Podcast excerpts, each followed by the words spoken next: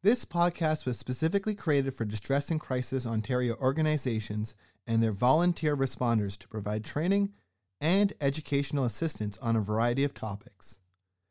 As information evolves and changes, these podcasts are meant to offer ongoing support with the goal of updating them on an ongoing basis. We thank the volunteer responders and the contributors to this podcast. Please visit our website, dcontario.org, for more information and how to access free mental health services. Thank you. Hi there, I'm Brenda, your host for this week's episode. I am currently a BSW student completing my placement at Distress and Crises Ontario and a proud African Canadian. In this episode of the Mental Health and Systemic Racism series, I'll be interviewing the Honorable Bardish Chagger, Member of Parliament for the Riding of Waterloo and Minister of Diversity and Inclusion and Youth.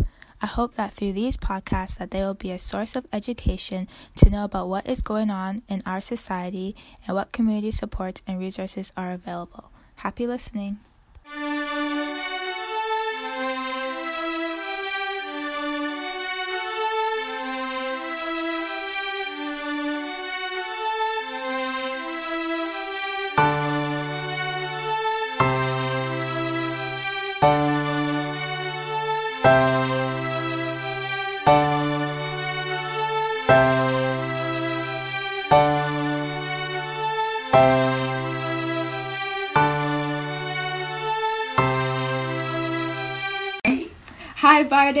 Welcome to today's interview. How are you doing? I'm doing good, Brenda. Thank you so much for having me. I look forward to this opportunity to exchange with you. Yes, thank you for taking time out of your day to answer my interview questions.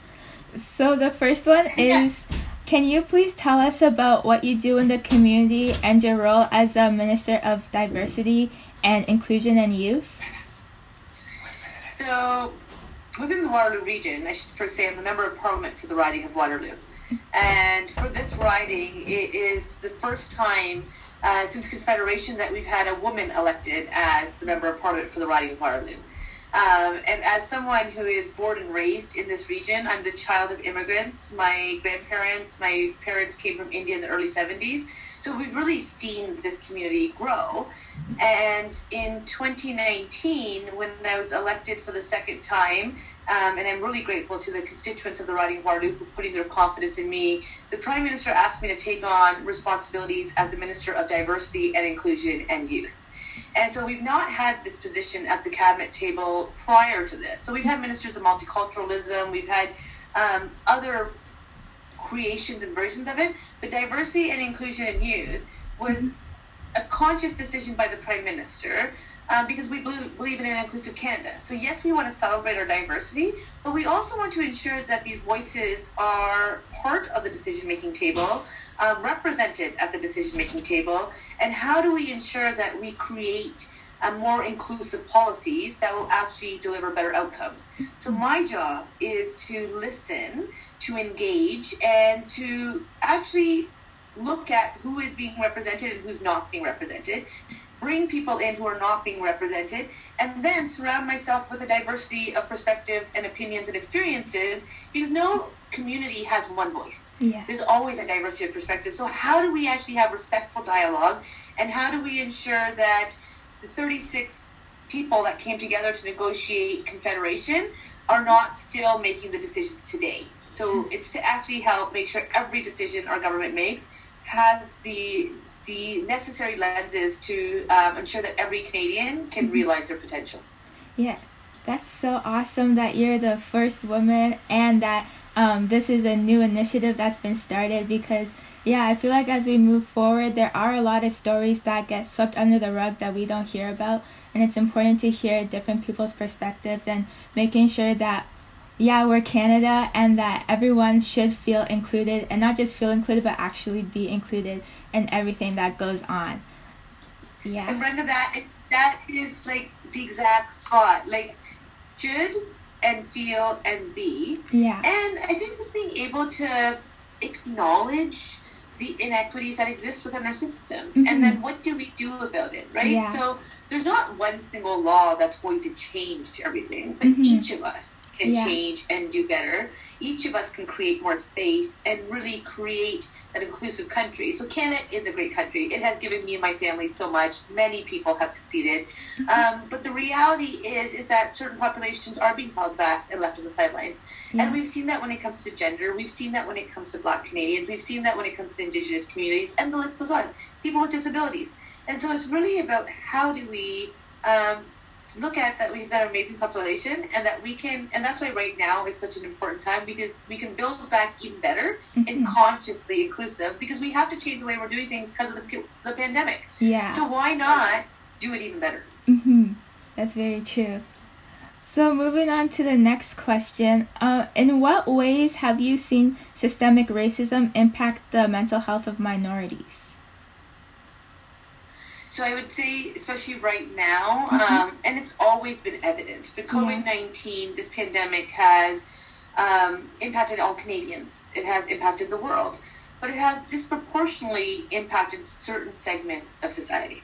Mhm. And I think what this pandemic has done is shine a light um, on those inequities, on those cracks, however we want to say it. And we've seen this not just because of the video footage, um, and I don't mean just south of the border, but I mean in Canada. And my focus is on Canada. Um, in Canada, systemic racism exists, uh, discrimination exists. Uh, there are inequities within every institution and agency. And how do we um, have that honest conversation Mhm. and do something about it? And so your whole comment about sweeping it under the rug, it's going to be exposed at some point. And Yeah. right now, it is at the forefront. And that's why I think this portfolio that I'm occupying um, is actually even more relevant. In 2019, people were saying, like, why does this exist? And it's virtue signaling. No! Mm. Prime Minister Justin Trudeau knew it well before um, it was highlighted Yeah. and you know put at the forefront like it is. So where do we see mental health issues? We see um, it within the data. We know that when it comes to the services that are available, they are not created by community for community. We know that there are um, cultural sensitivities that are not considered. And so, what is our government doing? Because I am about outcomes and I'm about taking chances and course correcting and you know trying to do better and be better. And I believe in evidence based decision making. So we're collecting disaggregated data to find out who is accessing our programs, who is succeeding in those programs.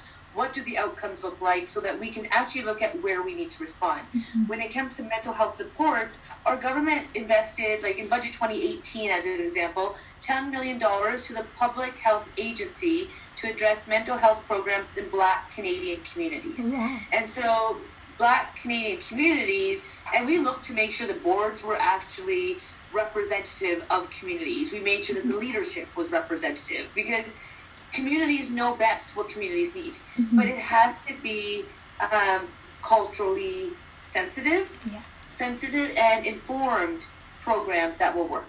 But if you look at the way, once again, Confederation was negotiated, if it's those same people making decisions for the diversity that exists in Canada today, the outcomes won't be there. Mhm. So that's why the decision making table has to reflect the diversity of the country, Yeah. has to reflect the populations we are trying to support and work with, and at minimum has to be informed by lived experiences. I Yeah. can go on with a list of other things we're doing, but that's one example. Thank you so much for sharing. Could you also illuminate or share one story or example of how systemic racism has affected your mental health or someone you know? So I would just say I'm born and raised in this community, and I'm so grateful to uh, to the community. The community in the Waterloo region I grew up in, um, for the most part, was really about you know communities raising children and communities lifting each other up. And so, you know, my teachers were massively important to me. The volunteer opportunities that I had, my father's been my backbone, um, and we really tried to contribute to the community that's been good to us. But if you look around, look at the decision making table, look at what our elected officials look like, look at um, our teachers Mm-hmm. and so forth within communities. And if they are not representative of the individuals that they are representing or teaching um, um, or hiring, and the list goes on, then that is where we see those concrete examples. Growing up, I never saw uh, elected officials that looked like me. Mm-hmm. So I never saw that I could be one. And it was in 2014 where I remember my mentor, a dear friend, um, Andrew Telegdi, the late Honorable Andrew Telegdi, who I worked for, said, You should run. And I said, There's just no way I could win in a riding like Waterloo. And he was like, Yes, you can. And I said, Because, you know, the systemic issues actually make you believe that you are inadequate and that you mm-hmm. aren't um, that you don't belong and that you don't fit in. And we do this and we continue to do this. And that's where we perpetuate these inequities and it's all throughout. So there is a personal example of mm-hmm. believing that I was not able to. Luckily, I had amazing people around me. Andrew had come to Canada as a refugee at 10 years old um, from Hungary. And on the 50th anniversary of the revolution, Andrew Telegdi was a member of parliament for the riding of Waterloo and actually represented Canada in Hungary. Oh, wow. And these are the amazing kind of stories mm-hmm. um, that our country is able to share if we actually remove people from the sidelines and put them on the field and let them realize their potential. And I think that's what our country, our government's trying to do. And that's why when it comes to the appointments process, we're more conscious about who we're appointing. Uh, when the prime minister brought gender parity in in 2015, it was a conscious decision to say that it's possible. Mm-hmm. People will say, well, you know, it's a pipeline issue and the talent does not exist. No, our country is full of talent. But what we have to do is be willing to actually fight our own insecurities, our own unconscious bias, and sometimes it's conscious bias. Mm-hmm. We have to actually look within and say, how do I create space? And people will say, well, there's not enough space. Yes, there is. And it's not about taking anything away, it's about creating more space. Yeah. And country, our country is massive. Look at the landmass of our country. So, of course, we have space and we have the abilities. But if you look at even rural, remote communities and you look mm-hmm. at what um, certain demographics and communities, ethnic communities, go through versus others, that's where we know that these barriers exist. And mm-hmm. sometimes um, very obviously are being put up. Yeah. And that's the problem.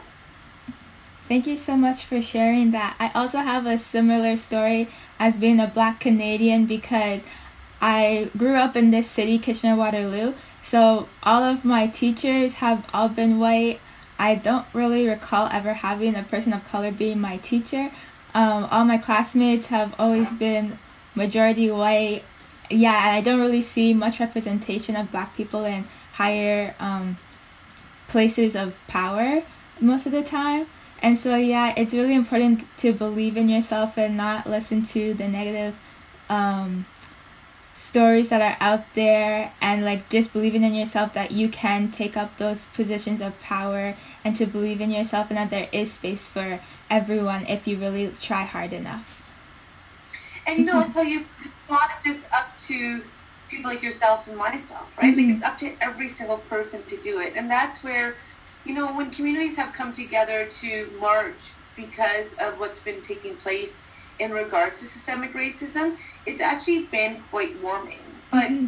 for myself, something that I've learned and I've been understanding more so because of the privilege that I have in this role and because of the supports around me um, has really been about allyship is a verb. Mm-hmm. So it's great to show up and it's great to carry a sign and it's great to make a statement. But then where's the action in the spaces that each of us occupies and how do we do that better so that people can see themselves? Yeah. And you know, like, it's great that we're still shattering glass ceilings, but like I think about the cabinet table. We've had one black woman as a Canadian cabinet minister. And so people will say, well, she was the first. For me, she's the only because we haven't had a second. True. So we need to see a second and a third, and we need to make sure that people recognize that it's possible, and our systems also have to support those individuals to succeed. Mm-hmm. Very true. Yeah, because sometimes the default isn't within ourselves, so you could work hard enough, but there are systems that are put in place that might hinder people from getting up there. So yeah. And that's what I was saying. I do think sometimes intentionally barriers are being put up. Mm-hmm. And yes, we can call it up, but allyship as a verb is having other people who are seeing those same barriers be put up, calling it out as well. True. Yeah. So and doing something about it. That's true. what do we do? What do we need to do as Canadians? What is already being done, and how do we move forward? So I would say that all Canadians uh, deserve equal opportunities to thrive, mm-hmm. no matter their origin, color, religion, language, sexuality, skin color, list goes on. And we want, I believe, be a country where each of us is lifting each other up rather than pushing people down. Yeah. So they say like a high tide lifts all boats. And I think we, um, if we actually want to be um, socially and economically competitive, because we are a trading nation, we should really realize and maximize the potential of our country. Mm-hmm. And I think it has to start with our relationship with Indigenous peoples. Our journey to reconciliation will not is not an easy one, but it has to be one that we stay committed. And we cannot have the government of Canada telling Indigenous communities how to operate. We have to create safe and brave spaces where it is nation to nation, mm-hmm. Indigenous led. Yeah. So we have to be mindful of who is informing us and when it is not informed by lived experiences or by individuals from community, then we need to get back to the drawing board and make sure it is. Mm-hmm. And that does not mean it's somebody that the government's comfortable with. It means someone that both communities and the government can work with. And that's where consensus is not that everyone agrees. It means finding a way that we can live with to move forward. Mm-hmm. And that's what we need to do. Another thing that we need to do is actually be able to acknowledge that systemic racism and discrimination exists in our country. I recognize it's a challenge and people get defensive. It's not personal. Mm-hmm. What it is, is an opportunity to actually know um, where we're starting and where we're going. And I think that's why, even when it comes to our history with Indigenous peoples, it's important that we know the land that we're on, know that that history is not one that people are proud of, mm-hmm. uh, but then what are we doing about it? Because the last thing we want to do is repeat it, because yeah. then we're part of the problem. I would rather be part of the solution. So I really want to learn about the true uh, history of our country. I want it to be taught to me by the voices of Indigenous peoples. Mm-hmm. I want to learn about the history of Black Canadians in Canada. Um, and I want to hear from the first people who came uh, to Nova Scotia, from African Nova Scotians. I did not know that community has been there for eight, nine, ten generations. Oh, wow. uh, but I was a minister of diversity, inclusion, and youth. I got to go to Nova Scotia, met this beautiful woman, and just was connected to her um, at that time, we could hug, so she gave me a hug. And she said that she had been here, she was the 10th generation. And I was wow. like, whoa, that's before Confederation. And she goes, that's how long Black Canadians have been in Canada. And it's a history that I never learned in school. And so until it is, I think we need to make it available and accessible. So what can everyone do? Everyone can be part of the solution. We can look at the spaces we occupy. We can all be in it together. We can ensure that we are building back even better and consciously inclusive. Look at the decision making table or the room you're in. Notice who is present, notice who is not present. also, be aware um, of comments that I believe have become okay to say. We mm-hmm. know better. Um, I was listening to uh, Same Love. The song came out in 2009. I don't know if you know that song, Macklemore. Check it out listen to the words. And it was i think it came out in 2009 which is 11 years ago. And if you listen to those words you'll see terminologies and comments that used to be said then um, that people felt would never go away. In 2020 you don't hear those comments because we not only expect better we demand better. And we mm-hmm. call it out. And i think that's where each of us has to um, do our part. And we don't know what we don't know so encourage unconscious bias training, encourage anti-oppression training, encourage inclusivity training. Look at who's doing the hiring within your workplaces. Um, look at who's being hired. Look at who's applying. And I think we need to actually look at all those things. And I would say if you are threatened by it or concerned with it, let's create um, spaces where we can have respectful conversations mm-hmm. and help that happen. I would say really quickly, my when my family w- was growing up, when I was growing up here in Waterloo Region, my father wears a turban, and so did my uncle and my grandfather, and people just didn't understand about the culture. So what we did is we kind of opened up our doors, um, and we started having those conversations. They could smell the food that my mom would cook, and my mom is an amazing cook. Um, and so we started sharing food. So in my crescent that I still love to this day, you know, we would drop off, you know, Indian food, and then we would get back like brownies or cupcakes. Oh, nice. And it started being like, you know, breaking bread together to live together, and then teaching each other. And we mm-hmm. got to learn about community and other cultures. They got to learn about ours, and all of a sudden, people's shoulders came down because they knew and they weren't living off of the stereotypes they had been taught. Mm-hmm. Racism is taught. Stereotypes are taught. Anyone who's born into this world is born full of love and care, and I would say inclusion. But we teach those um, stereotypes, and we also, just like we do with professions, we do. Um, as we do with professions with gender, we do it with race as well. Like we label certain things. No, every individual can succeed, and where there are barriers, I would hope that I can help uh, to remove them, dismantle them, and I really am grateful to the leadership within this community. That I've seen it across the country that have had the courage uh, to speak up and step up. We all have different ways of doing it, mm-hmm. and every approach is necessary. Awesome. Thank you so much for taking time out of your day to answer my questions and for sharing your insight and wisdom and um, teaching us more about what we can do as Canadians. And Brenda, thank you for sharing a little bit about yourself, and thank you for creating this forum. I think it's an awesome opportunity. Mm-hmm. I'll be listening as well. Awesome. Thank you so much. Have a good rest of your day. Bye. Bye.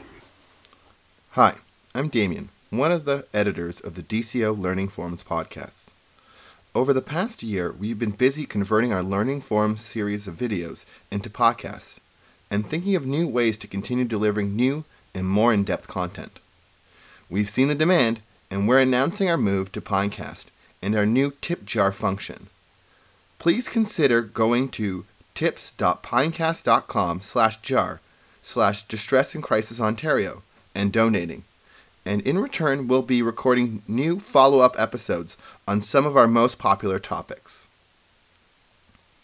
These will be accessible for tippers only and will help pay for travel, web hosting, etc. For the interim, you'll still be able to access existing content on both on both the Pinecast and Fireside feeds for free, but eventually we'll be making the switch to Pinecast. Thank you for your understanding.